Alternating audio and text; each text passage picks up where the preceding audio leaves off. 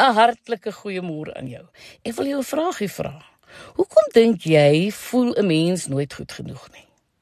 Ek glo natuurlik om werklik gelukkig te wees en om jou volle potensiaal te kan bereik, kan jy nie onnodige bagasie saam met jou sleep nie. Kyk, as jy weet wie jy is in Christus, het dit tyd geraak om met die saamdra van hierdie bagasie te stop. Dis nou daardie tasse vol van gister se pyn, lyding en opgekropte emosies. Jong wat verby is, is verby. Jy sal dit eenvoudig net moet los. Die beste ding wat jy vir jouself kan doen is om daardie tasse oop te maak. Ja, en dan bekyk jy die emosies en dan gaan jy tot aksie oor. Partykeer is mense steeds kwaad vir 'n laerskoolonderwyseres wat gesê het dat hulle dom is. Wat vir die verskriklike seer wat jy in jou ronddra omdat jou man jou verkil het. Ek wil vir jou sê dis tyd om te vergewe. Vergifnis maak gesond. Kwaad wees, gebelgd voel en heeltyd aan seer kry dink belemmer net een persoon en dit is jouself. Nou vra jy dalk maar wat as jou swaarste tas 'n klomp skuldgevoelens bevat? Ek wil vandag sê en jy moet dit glo, God is groter as jou verlede en jou teleurstellings. Jy moet jou hart vul met hoop en jy moet fokus op nuwe geleenthede los die verlede agter jou. Hou wel in gedagte dat dit 'n proses is, hoor. Moenie oornag wonderwerke verwag nie, maar moet ook net nooit opgee nie. Pyn is ongelukkig onlosmaakend deel van die lewe.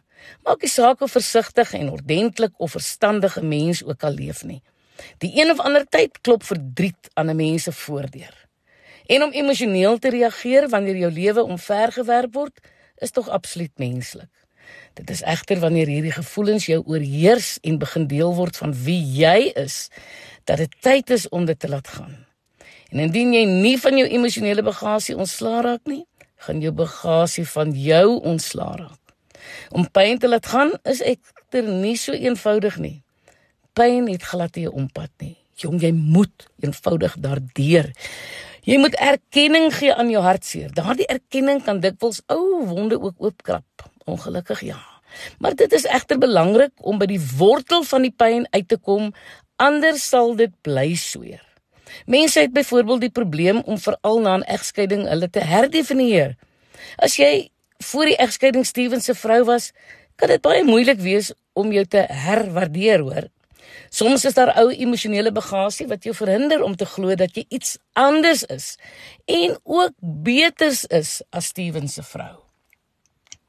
Ook met die verlies van 'n geliefde kan valse skuldgevoelens jou rouproses vertraag en jou in 'n spiraal van depressie laat aftuimel. Jong, om emosionele bagasie te los is 'n proses wat vir elkeen anders verloop. Sommige neem 'n besluit om doelbewus hierdie stappe te werk. Nou daardie stappe is ontkenning, woede, onderhandeling, depressie en dan uiteindelik aanvaarding. Maar dit neem tyd. Maar dit kan verseker gedoen word. Jy kan dalk as dit moontlik is professionele hulp nodig kry sodat dit vir jou insig kan gee sodat jy dit kan laat gaan. Daar is nuwe moontlikhede wanneer 'n mens ophou om hulle emosionele pyn te onderdruk. En as 'n mens aanvaar dat pyn deel van menswees is, kan jy jou pyn begin aanvaar. Dit kan egter voel asof emosionele pyn jou gaan oorweldig, sou jy dit erken. Juis om hierdie rede breek 'n ene lus hierdie aanvaardingsproses af in stappe. Sy sê, ja, mens moet tot stilstand kom, dan moet jy 'n naam aan jou gevoel gee. Ek het pyn of ek is diep hartseer of ek is sommer bitter kwaad. En hy die tweede stap noem sy kalmering. Hou jou emosies vas asof dit 'n baba is sonder om dit te vertroetel. Ja, ons moet verstaan dat jy doelbewus hulle wat onreg aan jou gedoen het onverwaarlik moet vergewe. God is die regter en God sal hulle oordeel.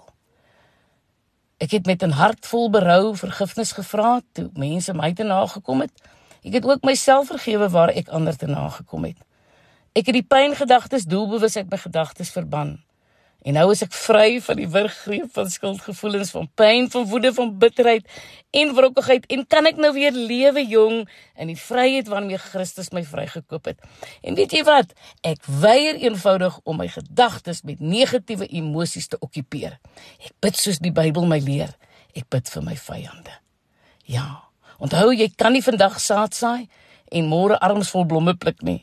Wees geduldig met jouself terwyl jy vorentoe beer. Ek is Lenet Beer vir Radio Kansel.